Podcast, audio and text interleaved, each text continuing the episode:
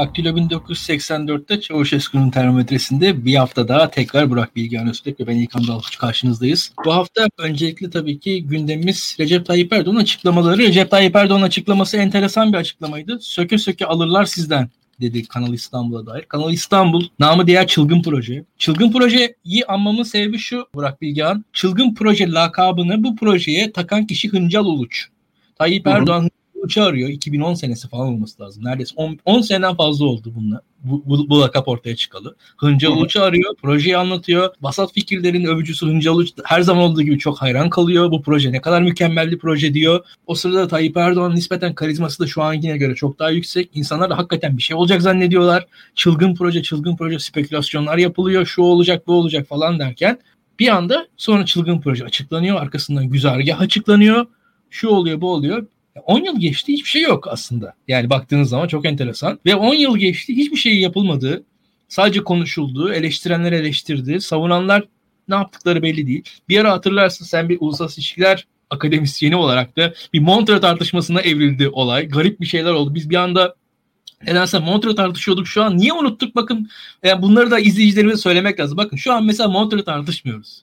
Mesela bir bakın bakalım niye Montreux tartışmıyoruz ve e, geçen hafta Biden'la Tayyip Erdoğan ne konuştu ne konuşmadı. Yani biraz böyle şeyler arası ilişkiler kurabilir izleyicilerimiz onu tavsiye edelim yani. Mesela neden hani konuştuklarımıza baktığımız kadar konuşmadıklarımıza da arada bakalım. Mesela şu an Montreux hiç kimse konuşmuyor.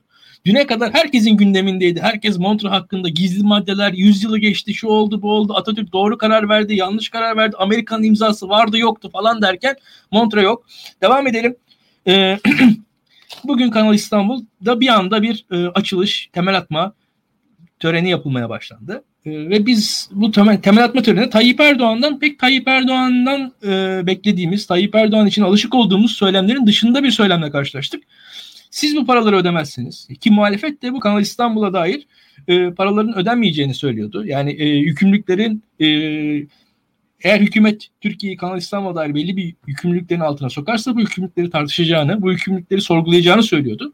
Tayyip Erdoğan ise böyle bir sorgulamanın uluslararası tahkimden döneceğini, bu paraların söke söke Türkiye'de alınacağını ifade etti. Bir anda biz baktık ki Tayyip Erdoğan bunca yerli milli söylemin arkasından uluslararası tahkim öven bir noktaya geldi. Ee, Bilgehan ne dersin? Hem Kanal İstanbul hem bu çılgın proje 10 yıl beklemesi, işi Montre bağlamı yani neresinden başlasak bilmiyorum ama söke söke alınacakmış Türkiye'den bu paralar. Enteresan geliyor bana. Ne, ne diyorsun? Ya uluslararası tahkim aslında bu tip durumlar için değil de e, daha çok e, böyle yerel mahkemelerin objektifliğini yitirdiği durumda e, böyle uluslararası hukuka uygun kararların çıkması için yani yatırımcıların mağdur olmaması için, iş yapanların mağdur olmaması için aslında Türkiye'nin imza attığı bir sözleşme. Ee, yani tahkim aslında çok medeni bir şeydir. Çünkü uluslararası hukuk açısından yerel hukukla uluslararası hukuk arasında çok fazla uyumsuzluk olması arzu edilmez. Bir ülkede iş yapacak iş adamı uluslararası garantilerle e, bir şekilde iş yapmak ister. Dolayısıyla tahkim yatırımcı gelmesi açısından önemli bir şeydir. Mamafi Kanal İstanbul konusuna ben bu uluslararası tahkim çerçevesinden bakmayı biraz hatalı görüyorum. Çünkü e, burada e, Kanal İstanbul projesi e, açıkçası iç hukuk açısından da sorumlu e, ve e, bazı doktrinler açısından da sorumlu. Bunlardan bir tanesi e, bir e, Rus asıllı siyaset bilimci ve hukukçunun e, geliştirdiği audio stepped argümanı. Yani Türkçe'ye nasıl çeviririz? E, tiksindirici borç diye çeviririz. Alexander Nahum Stack tarafından geliştirildi bu doktrin. Bu çok da tartışıldı. Siyaset bilimciler tartışıyor, uluslararası hukukçular tartışıyor ve e, tabii iktisatçılar tartışıyor. Uluslararası borçlar e, gerçekten yönetim değiştiği zaman geri ödenmeli mi? Şimdi devlette devamlılık esastır mantığı üzerinden böyle bir şey ortaya koyuyorsunuz. Ancak şöyle bir soru işareti geliyor. Acaba diyorlar bir diktatör ya da bir despot uluslararası kurumlardan aldığı borçları kendi kişisel zenginleşmesi için harcadıysa, e, kendi iktidarını korumak için bu parayla toplumun faydasına olmayan işler yaptıysa, kendi yakın çevresini beslediyse, daha fazla silah aldıysa, daha fazla silahlı adama maaş verdiyse bu despot veya diktatör hükümetten düştükten sonra toplum bu adamın aldığı borçları ödemek zorunda mıdır? Çünkü diktatörlükten sonra eğer demokrasi inşa edilecekse buna da önemli oranda kaynak gerekiyor. Bu kaynak eğitim gibi, sağlık gibi, altyapı gibi yatırımların yapılmasını elzem kılıyor. O yüzden diktatörün borcunu ödemektense ondan sonra gelen yönetimler daha esaslı, toplumu daha dönüştürücü yatırımlar yapmayı tercih ediyorlar. Eğer bunu yapamazlarsa diktatörlük bir döngü olarak kendisini devam ettiriyor. Dolayısıyla hani bu borç meselesi sadece borcun ödenmesi, devletin devamlılığı gibi konulara hapsedilmeyecek bir mesele. E, ve bu uluslararası e, siyasetin de bir konusu haline geliyor, iktisadın da bir konusu haline geliyor. Bu noktada Alexander Sack çıkıyor diyor ki bu tiksindirici borç kavramını bir kere ele almamız gerekiyor ve bunu bir net bir şekilde tanımlamamız gerekiyor. Ee, ben programa çıkmadan önce epey bir çalıştım. Bu konuyu e, ben uluslararası hukukçu değilim ama e, bu konu üzerindeki e, tartışmalara bir baktım. Öncelikli olarak demokratikleşme literatürü bu tabii tiksindirici borç kavramına çok büyük sempatiyle bakıyor. Çünkü hakikaten e, hesabı verilmemiş, işte kanun dışı keyfi harcamaların toplumun gelecek kuşaklarına miras olarak bırakılması ve onların para ödemeye zorunlu tutulması hakikaten demokratikleşme açısından çok sıkıntılı bir şey. Dolayısıyla bu odious debt meselesi onlar tarafından çok tartışılıyor. Ee, şöyle bir şey söylüyorsak, e, dış borç alan ve bu toplumu ve bunu toplumun menfaatine harcamayan e, liderler vardır. Bunlar kendi kişisel harcamaları için kullanabilirler. Kendi kişisel siyasi ikballeri için kullanabilirler. Dolayısıyla bu borç ondan sonra gelen vatandaşlar tarafından ödenmek zorunda değil. E, ve kişiler diyor, bu borcu alan kişiler diyor, bu borçtan aslında kişisel olarak sorumludurlar. Yani bu çok enteresan bir şey. Yani borçtan devleti, kurumu sorumlu tutmuyor, borçtan kişiyi sorumlu tutuyor. Dolayısıyla bu aynı zamanda Sayın Cumhurbaşkanı için kişisel bir risk haline geliyor bu doktrin üzerinden gidersek. Çünkü bu doktrin eğer Türkiye Cumhuriyeti'nin ilerleyen dönemindeki hükümetleri tarafından benimsenir, savunulur ve uluslararası bir destekle kabul ettirilirse Sayın Cumhurbaşkanı bu borcun e, muhatap olacak. Ve onun e, mirasçıları bu borcun muhatap olacak. Şöyle şartlar öne sürüyor İKAN. E, diyor ki öncelikli olarak bu borç veren kurumlar ve kuruluşlar bilgilendirilmelidir. Mesela muhalefetin şu anda yaptığı şey bu borç veren kuruluşları bilgilendirmek. E, iktidara geldikleri takdirde bunun kesinlikle ödenmeyeceğini söylüyorlar. Kanal İstanbul meselesinin iç hukuktaki sorunlu taraflarına dikkat çekiyorlar. Bu meselenin iklim açısından problemli taraflarına dikkat çekiyorlar ve uluslararası finans çevrelerini bu konuda uyarıyorlar. Yani biz iktidara geldiğimiz zaman siz karşınızda bir devlet bulamayacaksınız. Çünkü şu anda muhatap olduğunuz e, aktör bir devlet değil. Çünkü devletin kendi iç yapısı vardır, iç hukuku vardır, kanunları vardır ve bu kanunlara uyduğunuz sürece devlet olarak hareket edersiniz. Halbuki Kanal İstanbul meselesi hiç bu kanuni süreçlerin yaşanmadığı bir kişinin inat ederek, kapalı kapılar ardında ihaleleri bölüştürerek Kanal İstanbul etrafındaki arsaların gizli bir şekilde bölüşüldüğü bir proje. Dolayısıyla bu Türkiye Cumhuriyeti Devleti'nin bir kalkınma projesi değil. Bu bir kişinin ve etrafındaki dar bir elitin kalkınma projesi. O yüzden sizi uyarıyoruz diyor. E, bu konuda bir e, ihtiyatlı davranmayı size e, telkin ediyoruz diyor. Borç vermeden önce iki kere düşünün. Bence İlkan bu uyarılar biraz da etkili oluyor uluslararası finans çevreleri üzerinde. Sayın Cumhurbaşkanı bu açıklamayı yapıyor çünkü para bulmakta zorlanıyorlar. İki sebebi var. Türkiye'de araştırma sonuçları hani Cumhur İttifakı'nın mevcut durumuyla seçimi kolay kolay kazanamayacağını gösteriyor. Bu bir. İkincisi de artık NATO belgesine bile girmiş olan bir iklim meselesi var. Ve bu iklim meselesi e, finans çevrelerini de etkiliyor. İklim e, konusunda duyarsız projeleri destekleme konusunda finansörler çok da istekli değil. Yani çok iyi finansörler bulamıyorsunuz çok daha karanlık finansörler buluyorsunuz. Sizden çok fazla taviz isteyen finansörler buluyorsunuz. Yani finansör sayısı azaldıkça sizin pazarlık şansınız da düşüyor. Dolayısıyla Sayın Cumhurbaşkanı bundan da rahatsız. İkincisi toplumun rızası meselesi. Şimdi toplumun rızası meselesi kamuoyu anketlerinin gösterdiği kadarıyla yok bu projeye. Yani toplumun öncelikli olarak hükümetten çözmesini istediği problem Karadeniz'den Marmara Denizi'ne alternatif bir geçiş yolu yaratmak için 15 milyar dolar para harcaması değil. Dolayısıyla sonuçların da gösterdiği kadarıyla toplumun büyük kısmı medya üzerindeki bütün kontrollerine rağmen bu projeye karşı ve son madde toplumun yararı, toplumun faydası. Şimdi biz pandemi döneminde doğrudan karşılıksız yardım konusunda Türk hükümetinin sınıfta kaldığını gördük. Halkı borçlandırıyorlar. Yani doğrudan karşılıksız yardım yapmıyorlar. Binlerce esnaf e, iflas etti. E, ekonomi oldukça kötü. Enflasyon çok yüksek. işsizlik rakamları çok yüksek. Dolayısıyla dışarıdan alınan para Türk ekonomisini bir şekilde ayağa kaldırmak ya da mevcut sorunlarını çözmek için alınmıyor. Ki sonradan bu insanlar ödesin. Yani bu insanlara harcansa, bu para Türk ekonomisi için harcanıyor olsa bundan sonraki kuşaklar bunu ödemekle yükümlü olabilirler. Fakat harcanmadığı için bu para açıkçası toplum yararına harcanmış bir para olarak kabul edilmeyebilir. Muhalefet de eğer iktidarı devralırsa muhtemelen bu doktrini alacak, tahkim mahkemesine gidecek. Diyecek ki biz sizi uyardık. Bunun toplum rızası olmadığını söyledik. Toplumun kolektif iyiliği için bir anlamı olmadığını söyledik. Şu anda projenin ortasındayız. Dolayısıyla biz buna devam etmeyeceğiz. Sizin paranızı ödemeyeceğiz. Siz Recep Tayyip Erdoğan ile yaptığınız kişisel ilişkiden dolayı kendisiyle muhatap olacaksınız diyecek ve bu mesele biraz uzayacak. Şimdi meselenin uzaması bile aslında finans çevreleri için oldukça can sıkıcı. Çünkü finansın zaman gibi bir stresi var. E, faiz dediğimiz mesele işte paranın zaman maliyeti netice olarak. Dolayısıyla zaman uzadıkça finans çevreleri için bu yatırım daha riskli hale geliyor. E, geçmişte Ekvador ve Haiti'de benzer hadiseler yaşandı ve yıllarca sürdü.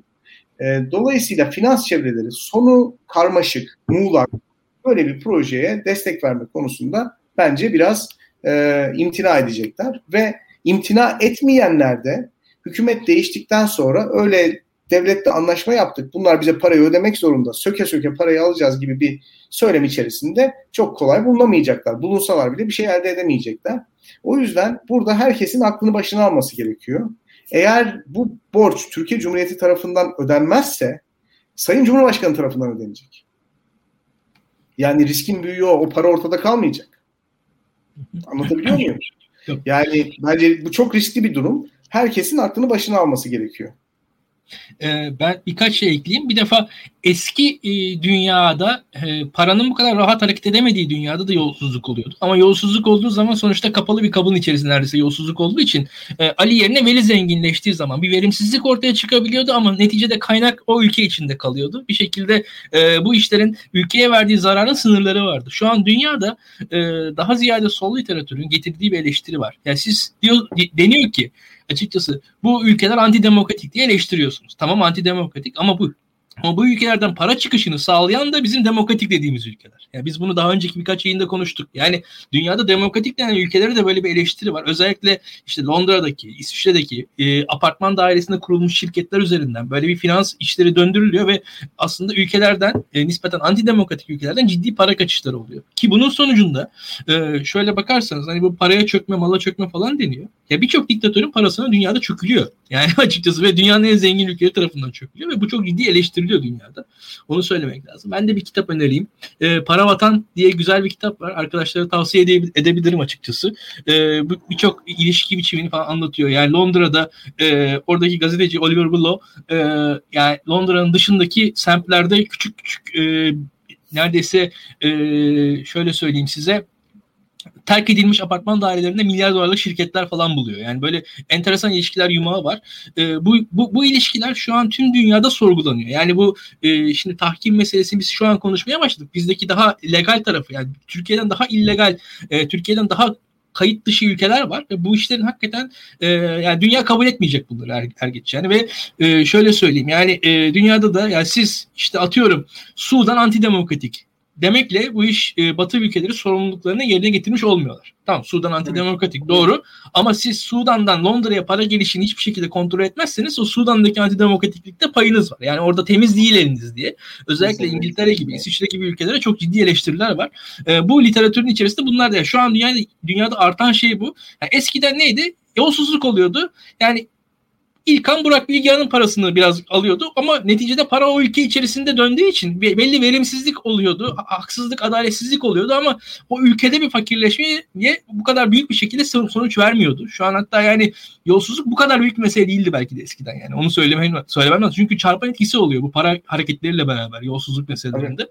Yani e, bunu da eklemek gerekir diye düşünüyorum ki e, şunu söyleyelim e, Tayyip Erdoğan'ın burada belli bir finans sıkıntısında e, olduğu açık. Çünkü Tayyip Erdoğan gibi bir siyasetçi kolay kolay e, kendisini e, uluslararası tahkimle hizalamazdı. Yani bu kadar. Evet, evet. Evet. Yani normal şartlar altında Tayyip Erdoğan bu kadar e, acemi bir siyasetçi değil. Bunu da söyleyelim. E, bu da pek normal değildi. Bu bize en azından bunu gösteriyor diyelim. E, burada benim için e, beklenmedik derecede başarılı bulduğum bir şey var burada. Bunu söyleyeyim muhalefet açısından.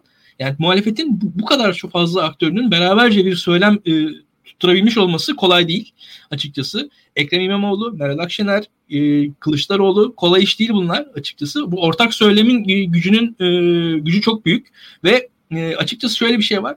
Tüm muhalifler şuna bakmalılar. İktidardan reaksiyon alabilen söylemlerinizin değeri çok daha yüksektir en azından. E, bu da bu söylemin gücünü gösteriyor diye düşünüyorum. E, şunu çok uzatmayalım. E, çok ekstra bir sözün yoksa hemen var bir şey daha var İlkan. Bu tabii bu konunun kühnü kamu özel işbirliği projeleri. Tabii. Ve bunlar çok problemli projeler. Çünkü kamu özel işbirliği projeleri özellikle iktidarın seçimle belirlendiği ülkelerde çok problemli. Yani mesela biz otoriter bir yönetim dediğimiz zaman e, genel itibariyle seçimle başa gelmemiş. Dolayısıyla seçimle de iktidarını kaybetmeyecek liderlerden bahsediyoruz. Bu gri rejimlerin ortaya çıkmasıyla birlikte hani seçimi kaybetme stresi de yaşayan bir görev süresi olan, meşruluğunu da sandıktan alan liderlerden bahsediyoruz. Şimdi bunlar otoriter eğilimler içerisindeler. Şeffaf değiller ve bütçeyi çok disiplinli bir şekilde uygulamıyorlar. Ve bu kamu özel işbirliği projeleri kendi iktidarda kalma dönemlerinin ötesinde gelecek kuşaklara bir vergi borcu yüklüyor. Yani bugün biz vergimizi ödediğimiz gibi bizim çocuklarımızın vergisi de ipotek altında aslında. Yani bizim çocuklarımız da çalışacak bu şirketler için. Bu aslında bir anlamda bir kölelik mekanizmasına dönüşüyor. Yani biz köleyiz, bizim çocuklarımız da köle olacak. O zamana kadar hükümetler gelecek, onlar kamu özel işbirliği projeleri düzenleyecekler. E, dolayısıyla özür dilerim, e, düzenleyecekler. Dolayısıyla e, hani bu 5 yıllık iktidar süresi olan bir hükümetin bütün ülkeyi 25-30 yıllık bir borcun altına sokma özgürlüğü bence çok saçma bir özgürlük. Çünkü hakikaten sistemi tahrip etmek isteyen, kamu kaynaklarını tamamıyla kendisine bağlamak isteyen, popülist, hız, hırslı bir lider iktidarı ele alıp bütün kamu bütçesini gelecek 30-40 yıl e, boyunca e, bağlayabilir ve bir sonraki hükümeti de hareket edemez hale getirebilir. E, böyle bir şey. İlk ihtimalden biz bahsettik e, açıkçası ilk başta yani finans bulmakta zorluk. İkinci ihtimal gerçekten seçim kaybettikten sonra yani e, Türkiye'nin nispeten daha yönetilemez hale gelmesi ihtimali. E, nin üzerinde acaba o senaryo da şu an oynanıyor mu diye ben düşünmeye başladım. Tabii, yani buradaki tabii, tabii. buradaki mesele o. Yani e, bir yerden sonra too big to fail bir e, yönetim tarzı açıkçası. Çünkü şöyle bir şey var. Şu anki Türkiye'deki ilişkiler biçiminde baktığınız zaman işte işte belli 5 tane 10 tane inşaat şirketi var. Bu 5 tane 10 tane inşaat şirketinin medya kuruluşları var. Onun medya kuruluşlarının bir yandan işte devletin kimi kurumlarla ilişkileri var. Onların işte atıyorum birisinin OYAK'la ilişkisi var. Bir tanesinin bilmem neyle ilişkisi var. Bu ilişkiler o kadar girit ilişkiler var ki bir yerden sonra işte atıyorum savunma sanayi e, kuruluşlarla ilişkileri var.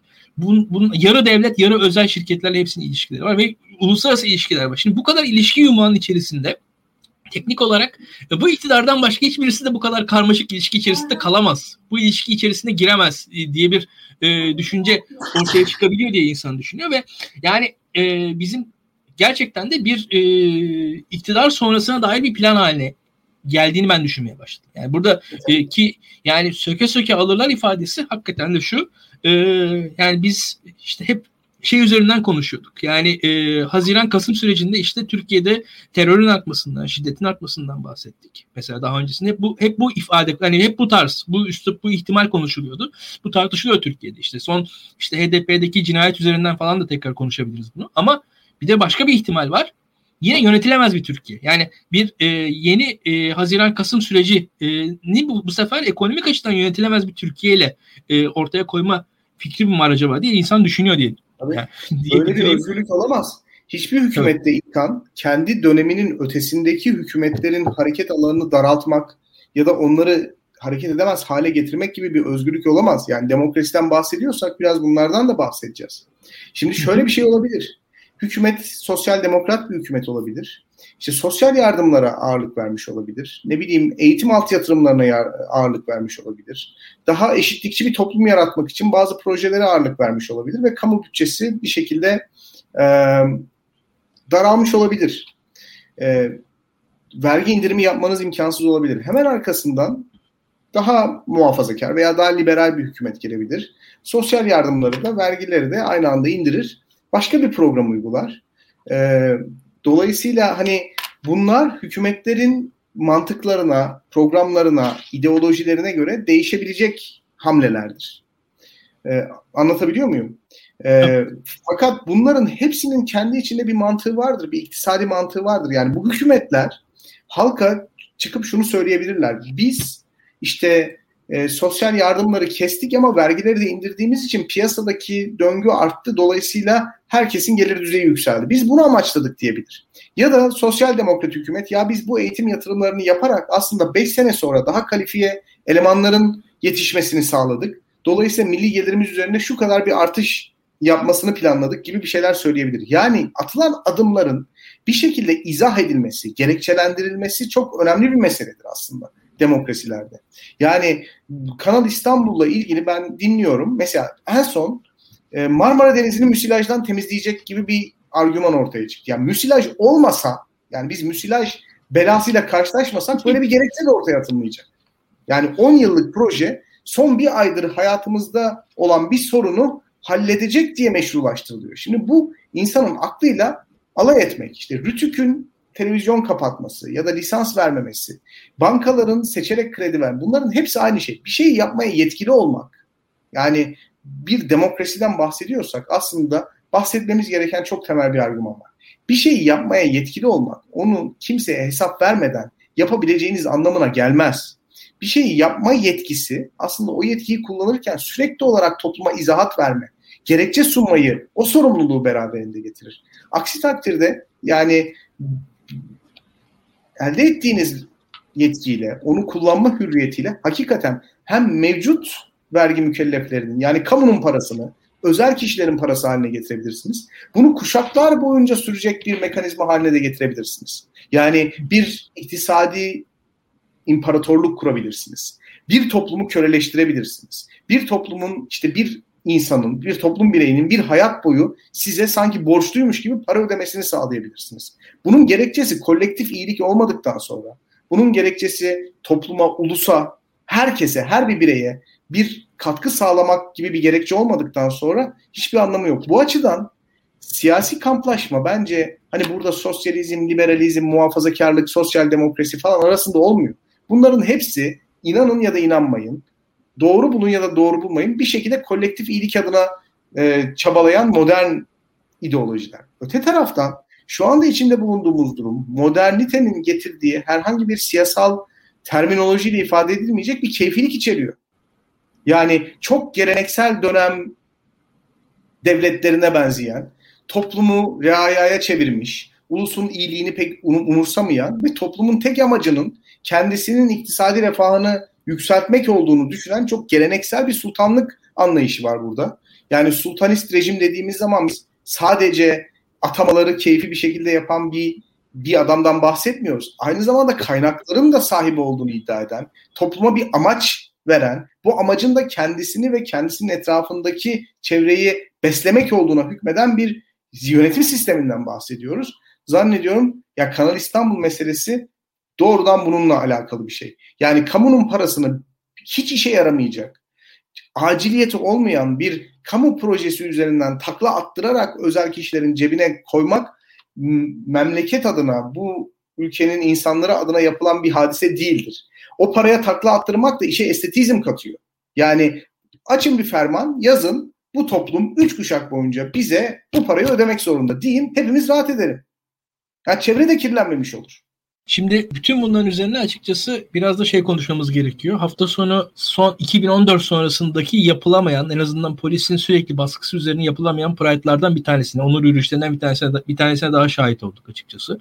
Ee, orantısız, alakasız, manasız bir baskı içerisinde geçti yürüyüşler. Ki daha öncesinde Türkiye'de bu yürüyüşler e, sessiz sakin olabiliyordu. Hani sessiz sakin der, olaysız olabiliyordu. 10 yıl boyunca Türkiye'de bu yürüyüşler olaysız geçti. Hiç kimse e, saldırmadı. Hatta şöyle söyleyeyim Türk halkının bu tarz e, onur yürüyüşlerine karşı olan tavrı Doğu Avrupa halkına göre daha da modern bir şekilde gerçekleşmiştir. Hiç de onu da söylemem lazım. Yani böyle e, zannedildiği gibi dünyanın en e, vahşi halkı falan değil Türk halkı. E, bunu da söylemem gerekiyor. Bunu da ekleyeyim yani. Türkiye'de ben çünkü bu e, onur yürüyüşlerine katılan insanlarla, uluslararası şekilde katılmış insanlarla konuştum. Yani Hırvatistan'da katıldım diyen biriyle konuştum ben. Yani bana anlattı. Bize Hırvatistan'da bizim 10 katımız saldırmak isteyen bir kitle vardı. Ondan polis koruyordu.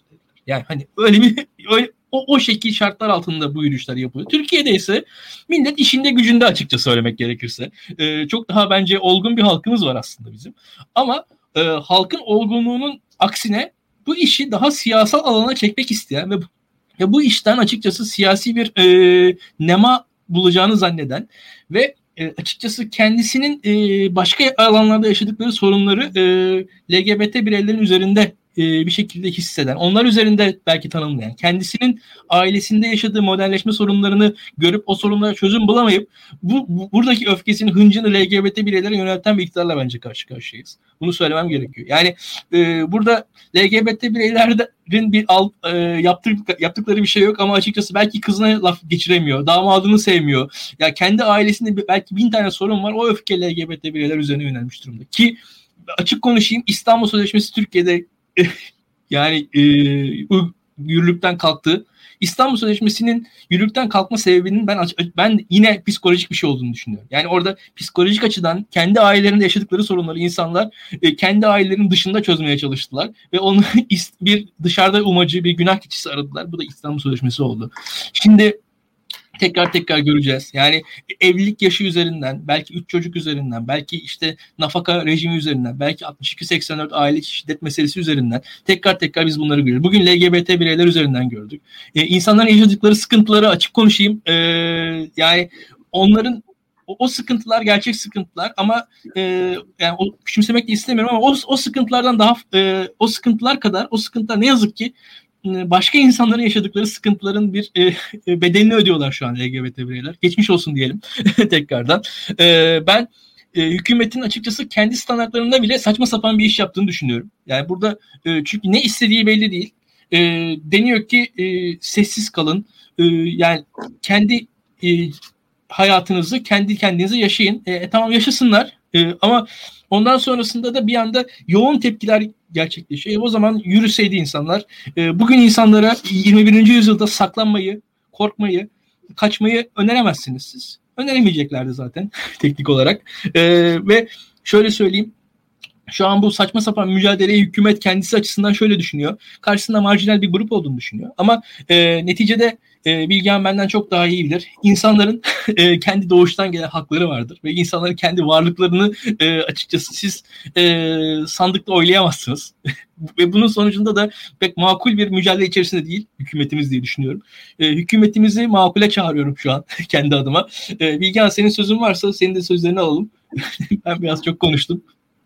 Ee, ya İlkan çok önemli bir şey söyledin.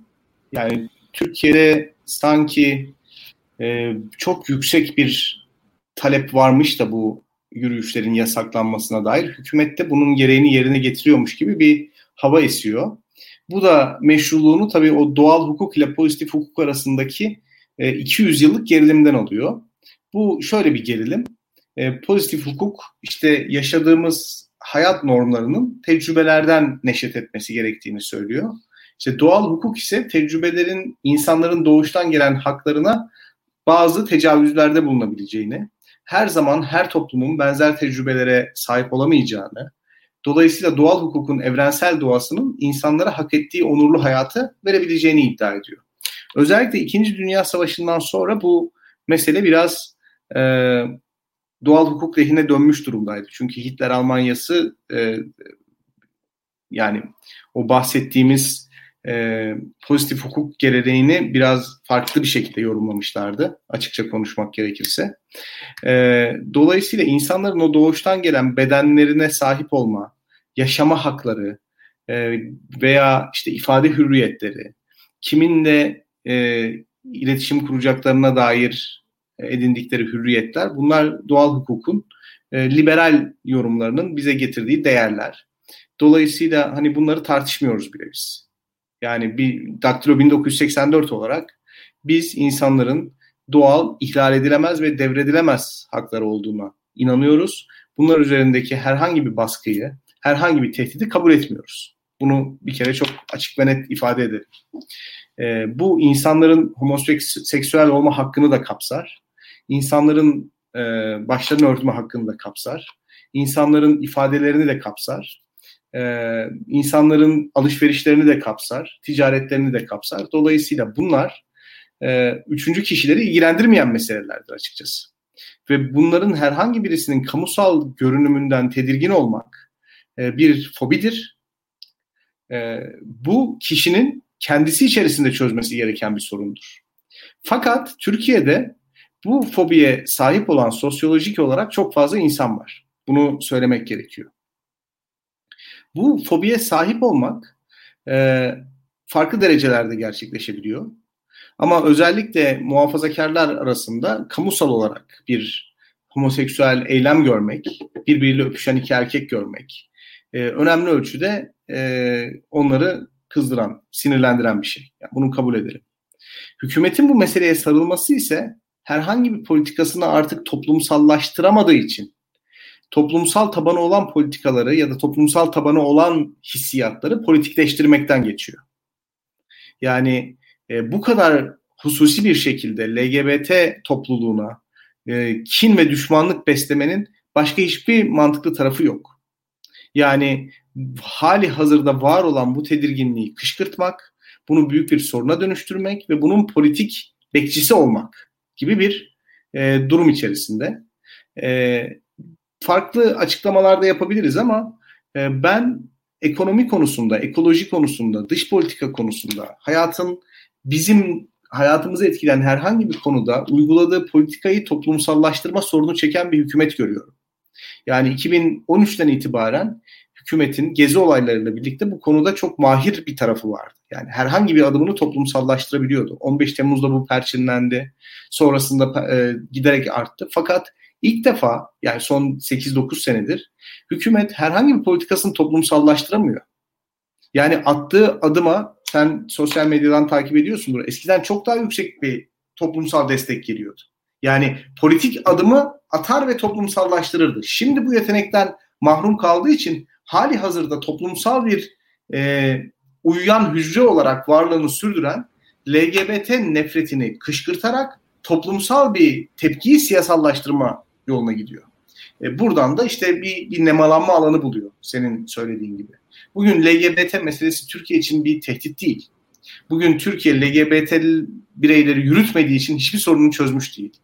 Bugün Türkiye LGBT bireylere karşı nefreti körükleyerek e, ciddi anlamda iktisadi ve siyasal olarak kaybeden bir ülke konumunda. Bunun da bence farkındalar. Çünkü e, artık bu ayrımcılık kategorilerinden bir tanesi ve Batı dünyasında böyle kabul ediliyor.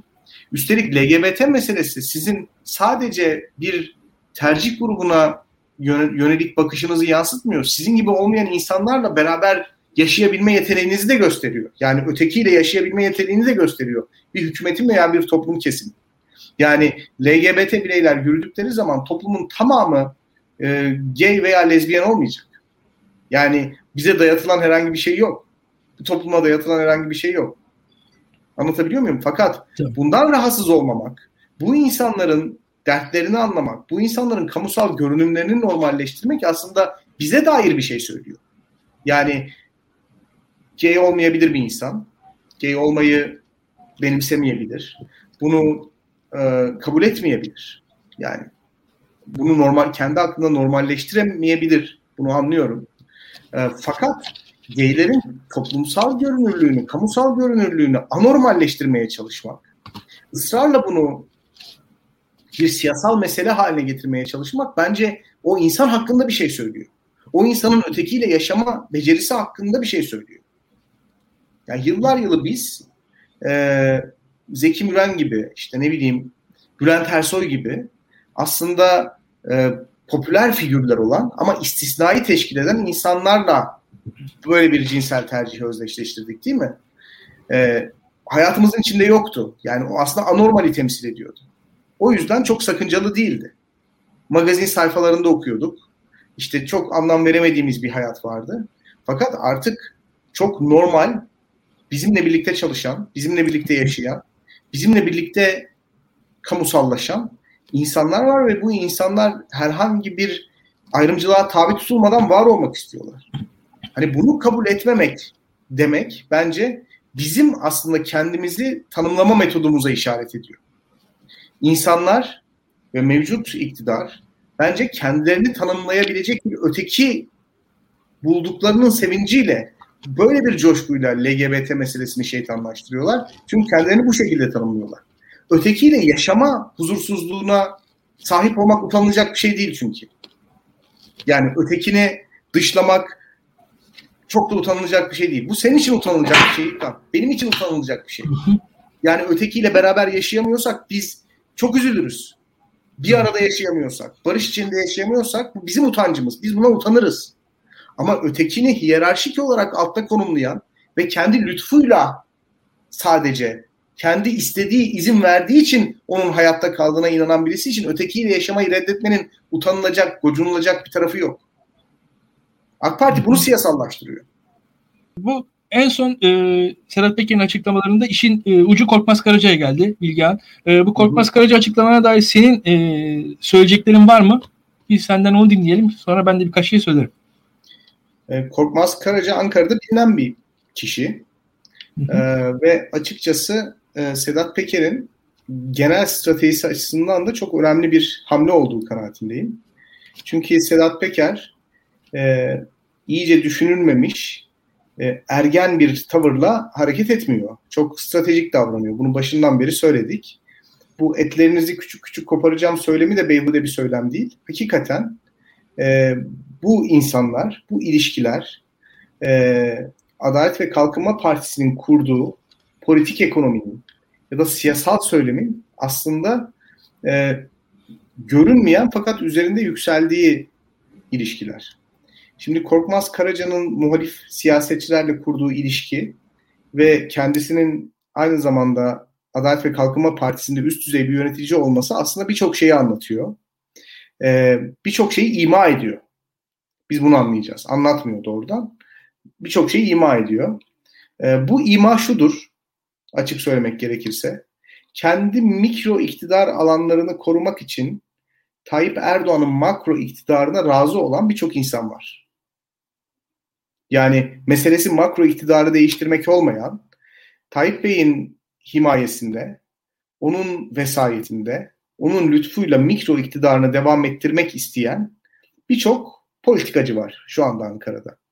Bu politikacılar aslında mikro iktidar mücadelelerini kime karşı veriyorlar? Kendi cemaatlerine karşı veriyorlar ve bunlar kendi cemaatlerinden de açıkçası şu anda çok kabul görmüş kişiler değiller. Dolayısıyla Korkmaz Karaca gibi isimler aslında e, bu mikro iktidar müptelası dolayısıyla makro iktidar mücadelesini baltalamayı da göze almış, bunu da içine sindirmiş olan siyasetçiler ile Adalet ve Kalkınma Partisi arasındaki bağı kuran kişi olarak gözüküyor.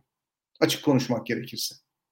Bu bağı kurma meselesi de Sedat Peker tarafından çok e, enteresan bir iddia da dile getirildi. Bir muhabbet tellallığı iddiası var.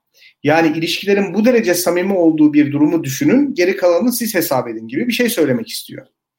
Ee, o yüzden Korkmaz Karaca isminin gündeme gelmesi hakikaten çok manidar, çok önemli. Birçok ilişkiyi açığa çıkartabileceğini düşünüyorum ben. E, meselenin sadece cinsel bir tarafı olduğu kanaatinde değilim. Aynı zamanda maddi ekonomik tarafları da olabilir.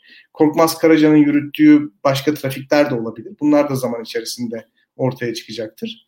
Ben e, son dönemde e, özellikle muhalefet içerisinde makro iktidarı devirme şansı arttıkça, partiler daha kararlı oldukça, makro iktidara yönelik daha sert hamleler yaptıkça muhalefet içerisinde bazı ayrışmalar bekliyordum. Sen de bekliyordun. Şimdi bu ayrışmaların biz sonucuna bakıyoruz. Sebebini bilmiyoruz. O ilişkiler ağını bilmiyoruz.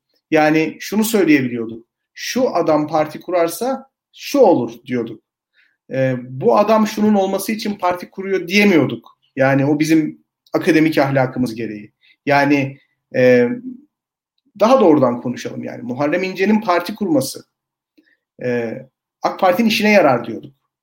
Ama Muharrem İnce AK Parti'nin işine yarasın diye parti kurdu diyemiyorduk açıkçası. Yani bu ikisi birbirinden çok farklı şeyler. Şimdi bu Korkmaz Karaca meselesi e, bu tip ilişkileri de belki ortaya çıkartacak. Belki çıkartmayacak. Ama o trafiğin e, bir şekilde faş olması aslında e, içinde yaşadığımız bu paradigmanın, AK Parti'nin kurduğu paradigmanın aslında sadece ülkeyi yönetmek ya da iktidarda kalmak değil, aynı zamanda muhalefeti dizayn etmek ve iktidarını meşrulaştırmak gibi endişeleri olduğunu da gösteriyor ortaya. Bu da oldu hep. 2007 senesini hatırlayalım İlkan. O zamanki müttefikler kimdi? Fethullahçılardı. Bu Demokrat Parti meselesi patlamıştı. 2011'i hatırlayalım. MHP'nin içerisindeki seks kasetleri skandalı yine Fethullahçıların muhtemelen işiydi. Muhalefeti dizayn etme meselesi. E, 2015'e geri dönüyoruz. E, ya bu çözüm süreci sırasında Bülent Arınç açık açık HDP parti olarak seçime girmesin diyor. Yani açık açık söylemiş bunu. Hani muhalefetin ne yapacağı konusuyla Adalet ve Kalkınma Partisi çok daha ilgili. 2018'e geliyoruz. İyi Parti'yi seçime sokmamak için erken seçim yapıyorlar. Yani bunlar artık siyasi hamlelerin ötesine geçen yani siyasi stratejinin ötesine geçen şeyler. Yani doğrudan müdahale edip manipüle etmek. İşte 2015 7 Haziran'ından sonra Tayyip Bey'in ilk görüştüğü politikacının Deniz Baykal olması tesadüf mü Allah aşkına? Yani bunlara buna tesadüf mü diyeceğiz biz? Gerçekten. Yani bu ilişkiler bunları ortaya çıkartacak. İktidarın bilinen ortakları üzerinden biz analiz yapıyoruz sürekli olarak. Bir de iktidarın bilinmeyen ortakları var. Ee, umuyorum bu Korkmaz Karaca meselesi iktidarın bilinmeyen ortaklarının da tartışılmasını beraberinde getirir. Sen ne diyorsun? Senin yorumunu merak ediyorum nasıl? Sen çok güzel bir şey söyledin. Orada mikro iktidar da dememek lazım ama teknik olarak iktidara aşık insanlar var Türkiye'de. Yani açıkçası muhalefette yer alamıyorlar. Pozisyon olarak muhalif olamıyorlar. Yani muhalif olmanın bir anlamı var açıkçası. Ee, yani ve zor bir şey. Yani Türkiye'de bazı e, ve, ve hatırlarsın mesela biz 15 yıl Türkiye'de bir merkez sağ parti kuruluyor, kurulacak, kurulmakta, kurulmak üzere az sonra kuruluyor falan diye ben ben hatırlıyorum okuduğum haberleri ar- arka arkaya dizsek 800 sayfa kitap olur net bir şekilde. Evet. E burada e, şu gözüküyor. Bu, bu tarz figürlerden siyaseti biraz arındırmak gerekiyor. Yani e, en azından kendi pozisyonu daha net belli insanlarla e, siyaseti oluşturmak gerekiyor ve bizim siyasetin finansmanı konusunda da biraz e, kafa yormamız lazım geleceğe dair. Yani bu hemen düzelmez. Ben püriten birisi değilim. Sıkıntılar hala olacaktır, olmaktadır. Muhtemelen yakın gelecekte olmaya devam edecek bazı sıkıntılar. Ama şu var, bizim siyaset finansmanı hakkında e, biraz kafa yormamız gerekiyor. Yani ve bu finanse edilebilir bir siyaseti nasıl ortaya koyarız diye kafa yormamız gerekiyor. E, çünkü şöyle söyleyeyim, bu şu an siyaset belli bir maddi geliri olmayan insanların girebileceği bir alan değil. Ya, te, ya en tepeden gireceksiniz belli şekilde kontenjan senatörü gibi veya da çok ciddi zengin olacaksınız.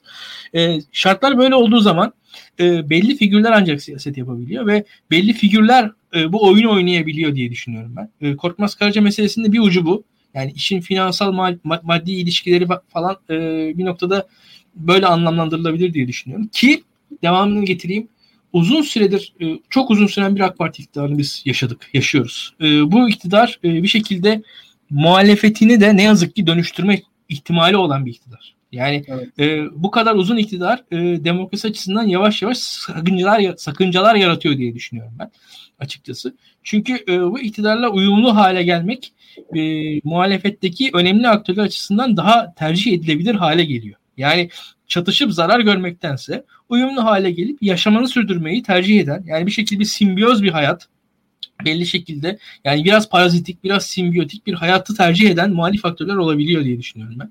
Ee, Ve bu uyumlu hale gelmek de söylemin uyumlu hale gelmesi değil İlkan. Yani söylemde çok sert de olabilir. Tabii. Yani söylemde ne muhalif adammış diyebiliriz. Yani mesela Baykal'ın herhangi bir grup konuşması ne muhalif adammış diye bir kanı uyandırabilir.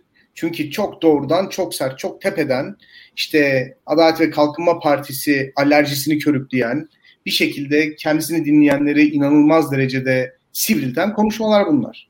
Ya ben Fakat şöyle bir şey söyleyeyim. Ki, bu demek değildir ki Deniz Baykal bu iktidar mekanizmasının istediği muhalefet profilini çizmiyor.